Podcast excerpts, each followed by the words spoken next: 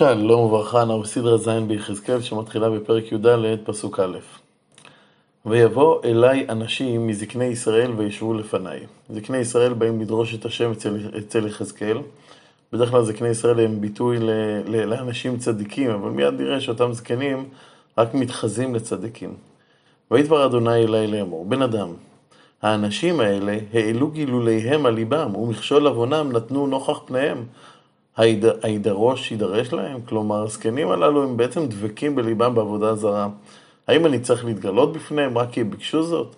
לכן דבר אותם, ואמרת עליהם, כה אמר אדוני אלוהים, איש איש מבית ישראל אשר יעלה את גילוליו אל ליבו, ומכשול עוונו ישים נוכח פניו, כלומר, אדם שליבו מלא בשקיקה לעבודת האלים, ואף על פי כן, הוא בא אל הנביא, אני אדוני נעניתי לו בה, ברוב גילוליו. כלומר, אם אחד יבוא, אז אני אענה לו.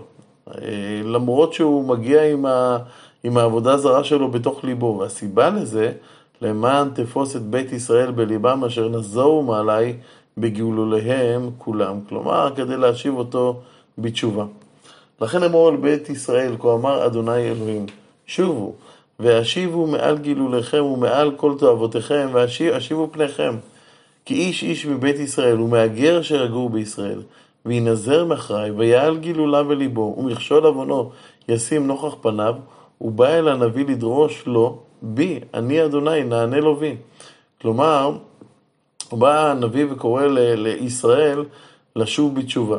אבל הוא מוסיף ואומר, אם, אם איש יבוא לדרוש את השם, ועדיין גילוליו יהיו על ליבו, והוא ימשיך להתחזק בעבודת האלילים שלו, כלומר, אם התשובת השם, אם ניסיון של הקדוש ברוך הוא לקרב אותו, להחזיר אותו בתשובה, לא יוביל אותו לתיקון, אז במקרה כזה, ונתתי פניי באיש ההוא, ואשימותי הוא לאות ולמשלים, והכרתי מתוך עמי, וידעתם כי אני אדוני. כלומר, אם, אם יהיה אדם שעדיין ימשיך לדבק בעבודה זרה, אז הקדוש ברוך הוא כמובן יעניש אותו, ויכרית אותו מישראל. וכעת הנביא אומר, אומר, עובר לדבר אה, על נביאי השקר. והנביא כי יפותה ודיבר דבר, אני אדוני פיתיתי את הנביא ההוא ונטיתי את ידי עליו והשמדתיו מתוך עמי ישראל. הרד"ק מסביר את הפסוקים הללו ואומר שפעמים נביא שחטא הוטעה על ידי השם. הנביא כי יפותה, הכוונה הקדוש ברוך הוא באמת אה, נותן לו מראות שהן בעצם נבואות שקר. אה, הנביא הזה לא יודע, האדם הזה לא יודע שבעצם אה, זה נבואות שקר. הקדוש ברוך הוא נותן את זה על מנת לגלות את ערוותו בפני ישראל, כלומר להסיר את המסכה שהוא מכסה, אה, ובאופן כזה הקדוש ברוך הוא שמפתה את, את הנביא הזה בעצם חושף את העובדה שהנביא הזה בעצם הוא, הוא כיסוי ל, ל, לעובד עבודה זרה, או כיסוי ל, לשקרן. המצודות קורא את הפסוק הזה בתמיהה. הוא בא ואומר, נביא שמפתה לשקר ודיבר דבר, והנביא כי יפותה ודיבר דבר? כלומר, האם הקדוש ברוך הוא זה שפיתה את אותו נביא לשקר? ודאי שלא. מי שפיתה את אותו נביא לשקר זה התאווה שלו.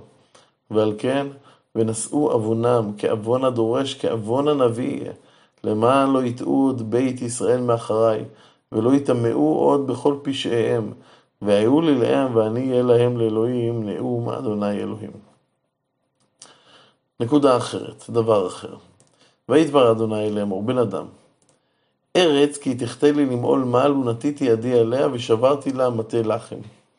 והשלכתי ברעב והכרעתי ממנה אדם ובהמה. כלומר, אם תהיה ארץ שבגלל חטאיה היא בעצם אה, תתחייב ברעב, אז גם אם יהיו בה שלושה צדיקים, כמו נוח, דניאל ואיוב, והיו בה שלושת האנשים האלה בתוכה, נוח, דניאל ואיוב, המה בצדקתם ינצלו נפשם נאום אדוני אלוהים. כלומר, הם יצליחו בצדקותם להציל את נפשם שלהם, אבל הם לא יצליחו להציל את אנשי העיר. כעת הוא נותן דוגמאות לאסונות שיכולים להיגזר על עיר כעונש על חטא אנשיה, אסונות שצדיק זה או אחר לא יכולים להציל את העיר בצדקותם, אלא רק את עצמם. הדוגמה הראשונה, חיה רעה. לו חיה רעה האוויר בארץ ושיקלתה, והייתה שממה מבלי עובר מפני החיה, ושלושת האנשים האלה בתוכה, חי אני נאום אדוני אלוהים, עם בנים ועם בנות יצילו. כלומר, אני אומר לכם, הם, הם לא יצליחו להציל לא בנים ולא בנות. המה לבדם ינצלו, והארץ תהיה שממה. כלומר, אותם צדיקים יכולים להציל את עצמם, אבל לא את אלה שסובבים אותם. או חרב אביא על הארץ ההיא, ואמרתי, חרב תעבור בארץ, והכרעתי ממנה אדם ובהמה ושלושת האנשים האלה בתוכה, חי אני נאום אדוני אלוהים, לא יצילו בנים ובנות, כי הם לבדם ינצלו גם מחרב. אה, אה, אותם אה, צדיקים יכולים להציל את עצמם, אבל לא את מי שסובב אותם, לא את החוטאים שמסביבם. עכשיו אנחנו עוברים לדבר, או דבר השלח אל הארץ ההיא. ושפכתי חמתי עליה בדם להחריט מן האדם ובהמה. ונוח, דניאל ואיוב בתוכה, חי אני נאום אדוני אלוהים אם, בין, אם בת יצילו. כלומר, הם לא יצילו אף אחד איתם.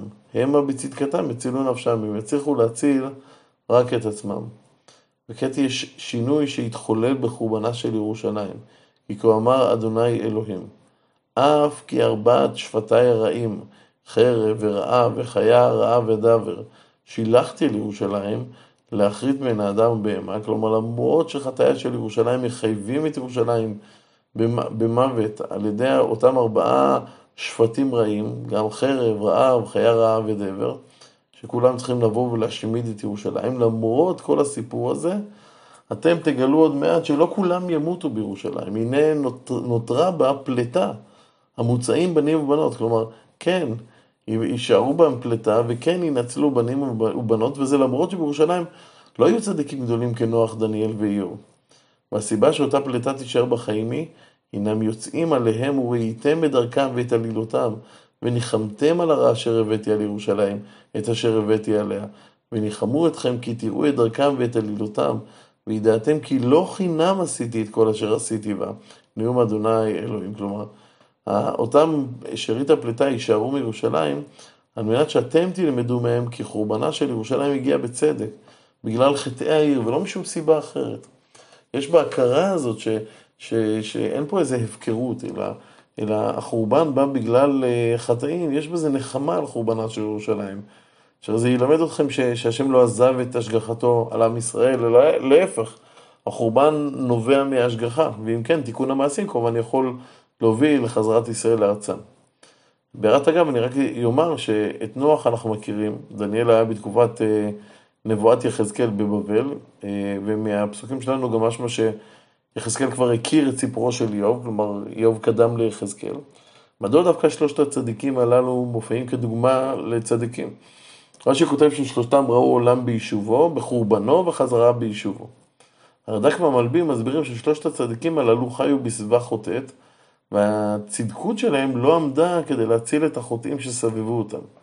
נוח נותר בחיים מהמבול, אבל העולם חרב. דניאל היה, אה, קיבל גדול, גדולה וכבוד גדול בבבל, אבל שאר הגולים היו בשפל המעלה. איוב לא הצליח להגן על בני ביתו, הם מתו, והוא נותר לבדו.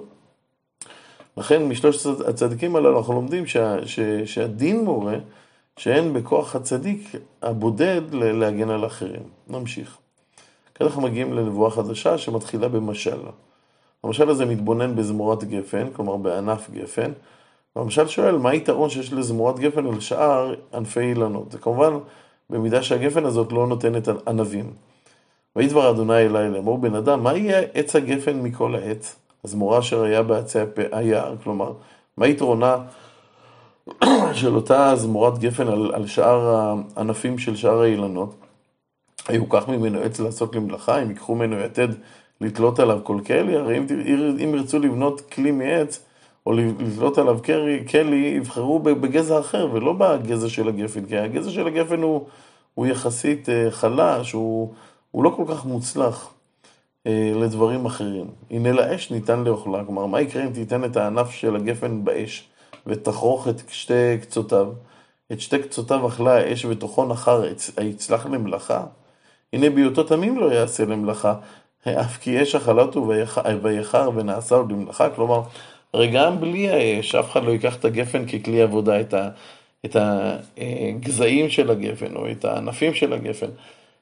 אז קל וחומר, אחרי המפגש של, של הגזע הזה עם האש, הגפן לא, לא ראויה לשום דבר. עד כאן המשל. כעת מגיע הנמשל. אגב, לאורך דברי הנביאים ובחז"ל מצאנו את ההשוואה בין ישראל לגפן, ככה זה במשל הגפן המפורסם, אבל גם במקורות אחרים רבים, וכך גם כאן.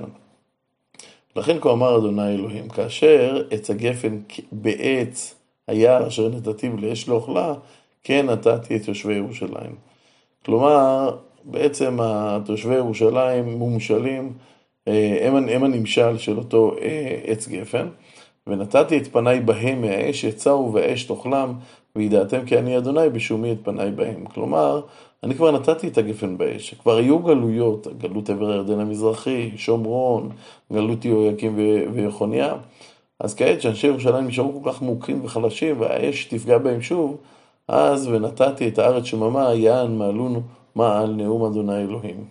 משפט אחרון גם מסביר את כל המשל כולו. ישראל נמשלו לגפן, כי גפן נותנת יין שמשמח אלוקים ואדם. הגפן מביאה את כוחותיה לידי ביטוי כשהיא נותנת פרי מעולה. גם ישראל, כשהם מביאים את כוחותיהם לידי ביטוי, הם מופיעים, אה, הם מופיעים פירות מעולים, פירות של אמונה, חסד, צדקה. אבל כאשר הם מועלים בתפקידם והם לא מוציאים פירות, אז הם נותרים כאנשי, כענפי הגפן עלובים, אה, חלשים, חסרי תועלת. כעת אנחנו מגיעים לנבואה נוראית וקשה שמתארת את תועבותיה של ירושלים. נבואה כל כך קשה עד שהתנא דבי אה, רבי אליעזר אומר במשנה בפרק י' במגילה שאין מפטירים בהודה את ירושלים. נתחיל את הפרק. ויהי דבר אדוני אלי לאמור, בן אדם, הודה את ירושלים את תועבותיה. כלומר, יחזקאל מצווה לתת סקירה היסטורית שתתאר את עומק בגידתה של ירושלים באלוהיה. ואמרת, כה אמר אדוני אלוהים לירושלים, מכורותייך ומולדתייך מארץ הכנעני, אביך אמורי ואימך חיתית. כלומר, ככה את מתנהלת. על פי מעשייך נראה שאת ילידת הכנענים, האמוריים והחיתים, שאת הולכת על, בדרכם, בתועבותיהם. וכעת הוא מתחיל להיכנס לתוך משל, שבו הוא ממשיל את ירושלים לתינוקת הסופית שנולדה וננטשה. ובעצם נמצאת זרוקה לבדה. ומולדתייך ביום הולדת אותך לא חרט שרך, שרך, ובמים לא רוחץ למישי, והמלך לא, הומלכת, והחטא לא חוטל. כלומר, מי שילד אותך לא טיפל אה, באותה ילדה, לא קראת את חבל הטבור שלה, לא רחץ אותה, אה, לא שם לה חיתול, לא חסה עלייך עין לעשות לך אחת מאלה. לחומלה עלייך ותושלכי על פני השדה בגועל נפשך ביום הולדת אותך. כלומר, לא רק שלא חסו על חייך ולא עשו לך את כל המתבקש מטיפול בילד שזה אתה נולד, גם זרקו אותך מזוהמת מדם הלידה על פני השדה, ממש ביום שבו נולדת. אבל אז מופיע איזה אדם, אה, ויעבור עלייך וירך מתבוססת בדמייך, והוא רואה את, ה, את אותה תינוקת אה, שוכבת מתבוססת בדמייך. בדמיה, ואומר לך בדמי חיי, ואומר לך בדמי חיי. כלומר, הוא מחליט להציל את התינוקת, לטפל בה, לגדל בה. הוא אומר לה בדמי חייך, אבל זה לא סתם אמירה, אלא, אלא זה גם אמירה שמובילה לידי מעשה. רבבה כצמח השדה נתתיך, ותרבי ותגדלי, ותבואי בידי ידיים, שדיים נכון הוא צריך, הוא צימח, ואת עירום וראייה. כלומר, תינוקת גדלה, תחת ההשגחה של מי שמצא אותה. הוא לא רק דואג לחיים הפיזיים שלה, אלא גם דואג לרווחה הנפשית שלה, נותן לה תכשיטים, עדי ידיים, וכעת הקשר בין הסופית למי שאסף אותה עולה קומה. ואעבור עלייך ואראך, והנה איתך עת דודים, ואפרוס כנפי עלייך, ואכסה ערוותך, ואשבע לך, ואעבור בברית אותך נאום אדוני אלוהים ותהי לי. כלומר, אותו אדם מתחתן עם אותה סופית, מביא הביתה בברית עולם, מספק לבית, זוגיות, אהבה. ויחצך במים, וישטוף דמייך מעלייך, ואסוכך בשמן, ואלבישך רקמה, ואנהלך תחש, ויכבשך בשש, ואחסך משי, ואעדך עדי, ויתנה צמידים על ידייך, ורביד על גרונך, שימו לב, הוא רוחץ אותה, מנקה אותה, מסיך אותה בשמן, מלביש אותה כרקמה, נעלי תחש, תכשיטים על תכשיטים על תכשיטים, ויתן נזם על אפך, והגינים על אוזנייך, ועטרת תפארת בראשך, ותעדי זהב וכסף על מלבושך שש, ומשי ורקמה, סולת ודבש ושמן אכלת, ותפי בי מאוד ותצלחי למלוכה. כלומר, האוכל היה משובח, הבגדים נפלאים, ואת הפכת להיות לילדה ולנערה ולאישה יפה מאוד. ומאותה מציאות של תינוקת נטושה שמצפה למותה, אותו הלך שאותו אתם ודאי מנחשים אה, מדמה את הקדוש ברוך הוא, מחיה אותה, מגדל אותה, נותן לה את יופייה, מטפח אותה, מאפשר לה להוציא לפועל את כל יופיה, ולבסוף קוראת איתה ברית עולמי, ברית של אהבה, ומכין אותה למלוכה. אז בינתיים הכל טוב, ורוד, נפלא, ולכותרת של הפרק הזה, בן אדם הודה את ירושלים, את אוהבותיה, תופסת אותנו בגרון, אנחנו מצפים כל הזמן לרדת, לרדת הכורת על היופי הזה שמתואר כאן, אבל את הכאב הזה, את כאב חורבנה של האהבה הגדולה בין האסופית למי שאסף אותה, את הכאב הזה נחוש רק בסדרה הבאה.